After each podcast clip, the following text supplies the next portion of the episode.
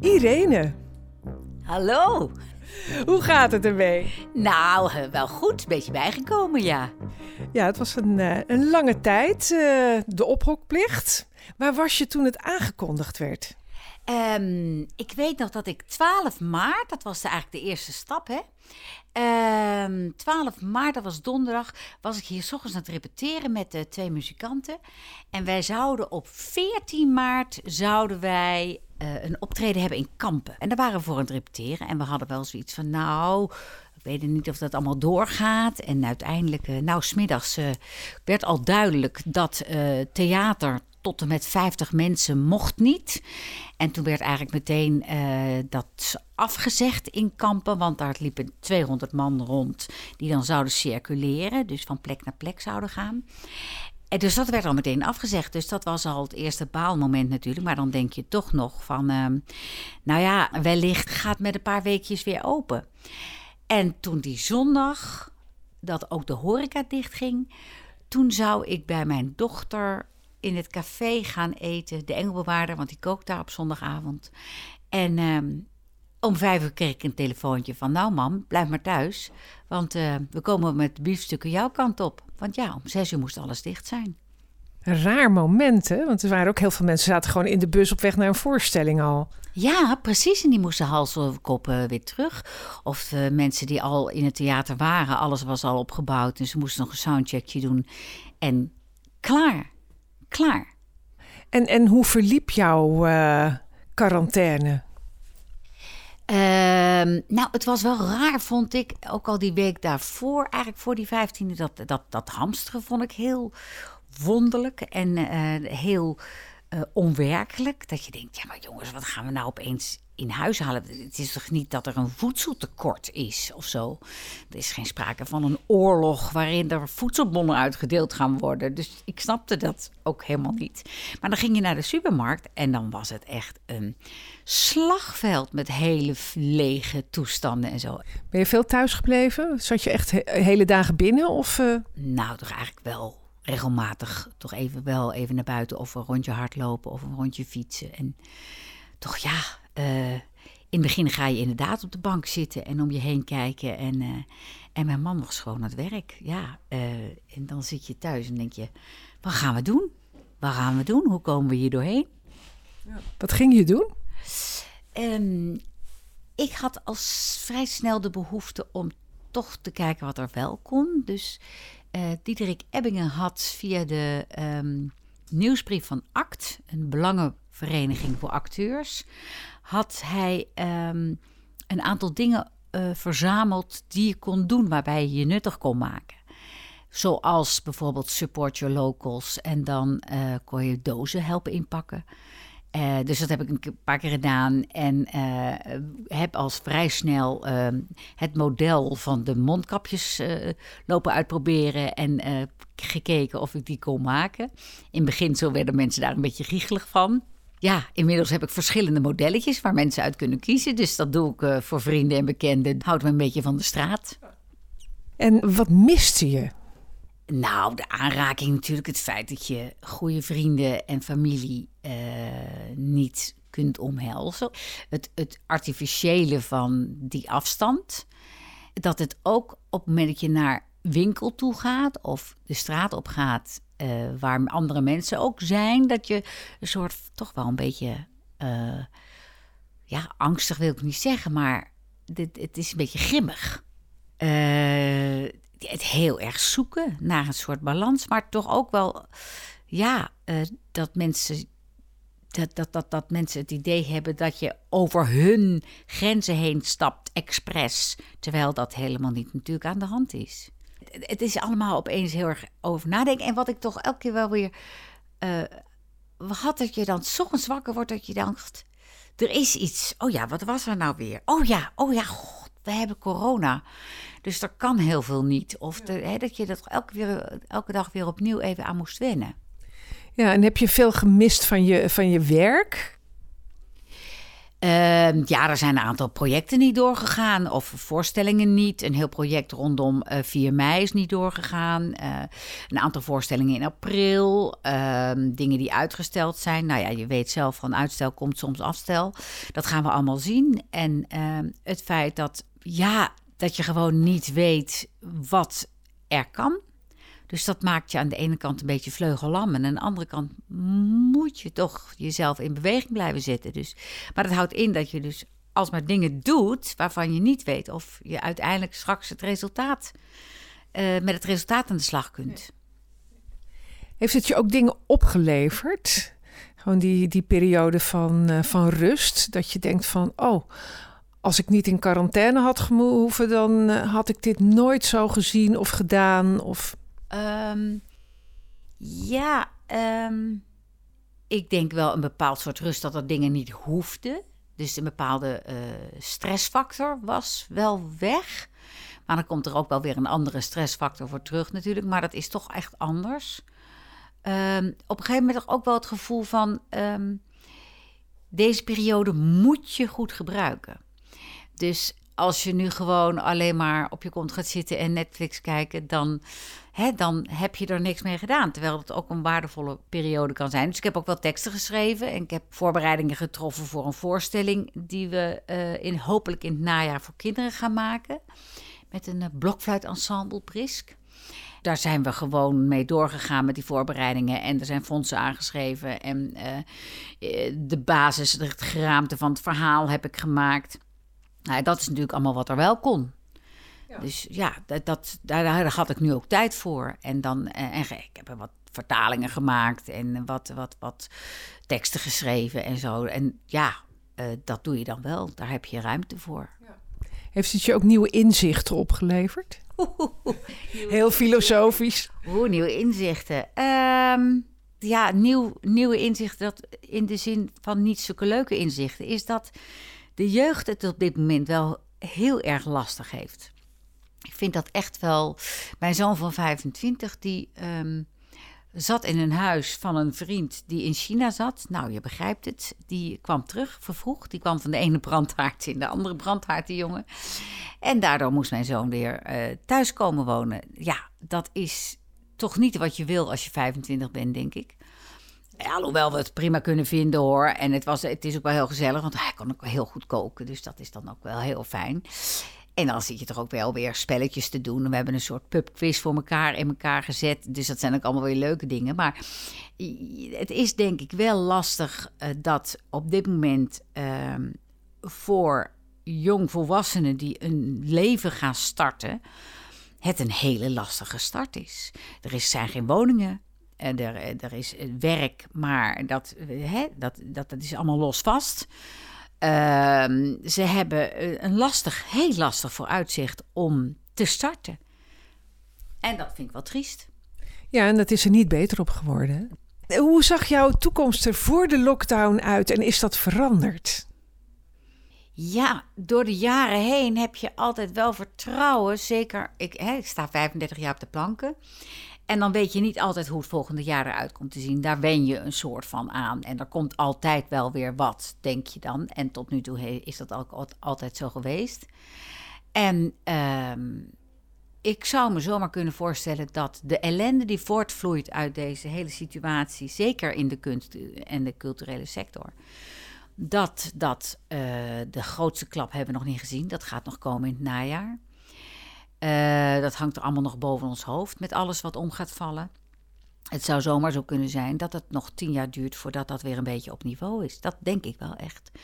En dat is niet alleen voor mij, maar denk ik voor een hele branche een heel duister en uh, verdrietig uh, scenario. En wat mijn plek daarin is, dat weet ik nog niet. Daar kan ik ook niet over nadenken, omdat ik, ja, wat, wat, wat ik net ook al zei. Um, je, je kunt niet handelen, want je weet niet waar je, waar je naartoe moet. He, probeert wel in beweging te blijven. Maar dat, of dat dat oplevert, dat is onduidelijk. Een soort stuurloosheid eigenlijk. ja, ja. Maar ja, als de motor echt uitgaat, dan word je helemaal overgenomen. Dus je moet wel een soort van die motor aanhouden en dan maar af en toe de verkeerde kant op en, en, en uh, go with the flow. Maar het, uh, ja. ja. ik weet het niet. En dat uh, sluit mooi aan op mijn volgende vraag. Als jij nou minister van Cultuur was, wat zou dan het eerste zijn wat je ging doen? Ik zou um, eens heel goed kijken naar de schade die geleden is. En wat mensen nodig hebben om daaruit te komen. En dat je niet en alles en iedereen kunt redden. Maar als mensen met dit hele schuldenverhaal überhaupt iets in de toekomst zouden willen gaan doen, dan heb je een, een, een, een hele ziek uitgangspunt. En dan is het, duurt het heel lang, veel te lang, voordat bedrijven weer gezond kunnen worden. En ik denk dat je dat graag weer zou willen. Dat zeker 70% van de hele culturele sector is de vrije, vrije sector, zou ik maar zeggen. En ja, je moet zorgen dat dat weer gezond gaat draaien.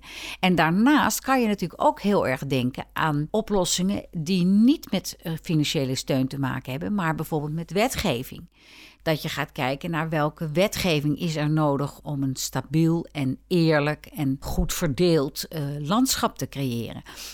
Nederland is nu het land waar niet gezorgd wordt voor beeldrecht bijvoorbeeld. Beeldrecht is in Nederland niet geregeld. Daarom uh, hangen er overal over de hele wereld uh, posters van mensen die in Nederland gefotografeerd zijn. En dat wordt allemaal gebruikt in Canada, Singapore of whatever, omdat dat hier in Nederland niet is afgebakend. Je kunt nadenken over de flexwet, die in de kunstenwereld niet werkt en waar op maat oplossingen voor moeten komen. En op maat oplossingen moeten er natuurlijk ook komen voor uh, ander soort contracten. Streaming is een nieuw iets. Daar kun je, moet je ook zorgen dat de mensen die de dingen maken daar absoluut nu iets voor krijgen. En al dat gratis streamen wat er gebeurt is, is een diefstal uit de portemonnee van de mensen die het gemaakt hebben. En dat, dat is denk ik heel concreet wat je zou kunnen aanpakken. Nou, dat klinkt heel, uh, heel goed. Ik hoop dat de minister luistert. nou, ik, uh, ik heb nog wel een paar dingen hoor, maar goed, ja. Nou, eigenlijk de laatste vraag, een hele confronterende, die eigenlijk niemand uh, echt wil antwoorden. Ben je aangekomen? Oh ja, Absoluut. Maar natuurlijk ook heel veel spiermassa. Want ik heb natuurlijk ook heel hard op mijn racefietsje gefietst. Ja, er zit wel wat aan, ja. Ja, want je zit toch veel uh, achter de computer of uh, een boek te lezen of whatever. Het is weer zomer, dus we kunnen weer lekker naar buiten en uh, lekker bewegen. En dan heb ik nog even iets, want jij hebt een hele mooie actie opgezet. Daar heb je nog helemaal niks over gezegd. Tijdens de lockdown ben jij bezig geweest met posters. Vertel even. Uh, ja, uh, dat is net afgerond. Half april kreeg ik een mailtje van mijn impresariaat van een tournee die wij half december hadden afgerond. Dat er nog heel veel posters in de opslag lagen. En toen had ik met Joris van Veldhoven erover. Ik zei: God, dat heeft iedereen natuurlijk. Maar by the way, wil jij die posters niet hebben? Want hij doet heel veel met karton. Dus en dingen uit papier maken. Hij maakt poppen uit papier. En uh, dus toen hadden we het over. En toen zei ik, goh, eigenlijk zou je van al die posters die natuurlijk in al die distributiecentra liggen, zou je er eentje moeten hebben en die maak je dan aan elkaar. Nou, een verhaal, verhaal. Hier en daar is gepolst van wat vind je van het idee? Prachtig idee, maar ja, dat moet je dan wel zelf gaan doen. Want daar, wij hebben daar geen tijd voor. Dus toen op een gegeven moment de stoute schoenen aangetrokken en wat overkoepelende organisaties aangeschreven van de, vanuit de kunstenwereld, uh, dus, dus, dus musea, uh, filmwereld, theater, maar ook te technici, uh, nou, scenario, regisseurs. Dus we hadden op een gegeven moment een man of 15 en die hebben ook allemaal hun eigen netwerk aangeschreven en al die overkoepelende organisaties achter hun broek zitten van en impresariaten en agentschappen, ehm, de mensen die de posters ophangen in de stad, die hebben natuurlijk overal posters liggen. Dus op een gegeven moment ga je steeds meer denken van nou, waar zou het allemaal vandaan kunnen komen? En die ga je allemaal bellen, mailen, achter een broek zitten. En uiteindelijk begon het allemaal te rollen. Toen hadden we er opeens 200. Toen hadden we er opeens 250. En toen zijn we gaan maken. En toen kwamen er nog 100 binnen.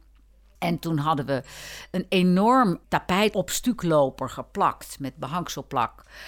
Toen was net toen wij dat wilden uitrollen, kwam die cultuur in actie. Eh, die actie van zeven dagen, twaalf uur in Utrecht in een enorme hal. En dat paste eigenlijk naadloos bij ons plan. En die vonden het ook fantastisch. Dus we hebben toen op dinsdag in die week bij hen erover verteld. Toen hebben we uh, vrijdag bij hen dat kleed kunnen neerleggen. Dat was een kleed van 7 bij 30 meter. En dat werd toen gezien door verschillende partijen, waaronder de Creatieve Coalitie. En die zeiden: Goh, uh, kunnen we dat niet 29 juni, op het moment dat er in de Kamer gesproken wordt over de cultuur en de culturele sector, dat, dat jullie dat ter ondersteuning daar neerleggen? Nou, dat was eigenlijk het ultieme plan, want we wilden dat plan eigenlijk uitrollen op stoep van de Tweede Kamer. Eh, ter ondersteuning van de politieke lobby. En dat daar dan heel veel aandacht voor zou komen, zodat je fysiek kon voelen hoe groot de schade was. 3 bij 7, zei je? 7 bij 30 meter. 7 bij 30 meter, mensen. 210 vierkante meter. En dat is nog maar een deel, hè? Ik vrees dat het maar een derde is. Van wat alles wat er gecanceld is. Want daar was de kern. Dus al die gecancelde voorstellingen. Een rode loper van posters van alle voorstellingen van uh, ja, uh, de coronatijd. Onvoorstelbaar. En dat dat dan nog maar een deeltje is. Ja, ik heb de foto's ervan gezien. Ja, het is onvoorstelbaar en, en ja, heel confronterend. En daarom was het ook wel fantastisch om het uit te kunnen leggen, letterlijk op de stoep van de Tweede Kamer. Uiteindelijk hebben we in die laatste paar weken nog weer extra posters bijgekregen. En daar konden we nog een soort smallere strook van maken. Dus. Maar mensen waren ook echt wel onder de indruk. En zich realiserend dat dit nog maar een deel is, kan je nagaan wat de impact is. Want dat fysieke beeld, dat wilden we bereiken. Dat je daar met je neus bovenop staat en dat die politici in Den Haag met hun neus er bovenop stonden. En dat is uiteindelijk gelukt. Dat ja, want ik zag mevrouw van Engelshoven een beetje verloren bovenop op die poster staan. Dat was wel een heel iconisch beeld bijna. Het was een bizar, uh, prachtig beeld. Het was precies zoals we dat hadden gehoopt. Het was ook nog best spannend, want er stond toch eh, die, die morgen, voordat we eenmaal klaar waren, nog best wel wat wind. Dus op een gegeven moment woei dat hele ding op. En dat je echt, oh, ja. Dus toen hebben we met een paar mensen zijn er letterlijk op gaan liggen. En uh, het weer werkte mee. Dus dat was uiteindelijk kregen we een mooi zonnetje erop. En uh, is het allemaal prachtig in beeld gebracht. Nou, om mee af te sluiten gaan we nu het bijpassende lied spelen. Vertel eventjes. Ja, ja, wat dat als een belangrijk onderdeel. Want eh, Frans Mulder was een van de mensen die vanaf begin aan erbij betrokken was. En die is tekstschrijver. En die kon het niet laten om een prachtig uh, lied te schrijven. En uh, hij heeft uh, Sjors van der Pannen, Christanne de Bruin en Diederik Ensink. En op twee derde van het lied Hans van Wilgenburg die iets zegt. En Diederik Ensing heeft de muziek gemaakt, Frans Mulder de tekst. Over het feit dat als de kunsten wegvallen, dat het dan niet zomaar weer terugkomt. Dus met de titel Wat weg is, komt nooit meer terug. Gaan we nu naar luisteren. Dankjewel Irene. Graag gedaan. Waar is de wereld gebleven? Waarin voor publiek in een zaal acteurs graag een voorstelling geven. Hoe lang duurt het nieuwe normaal? Waar is die wereld gebleven? Wanneer klonk voor het laatst de muziek en werden concerten gegeven voor zalen vol juichend publiek? Toneel, poëzie, opera en ballet, musicals, lezingen en cabaret, gedrang bij de kassa en in de foyer Wanneer zingt een zaal weer uit volle borst mee?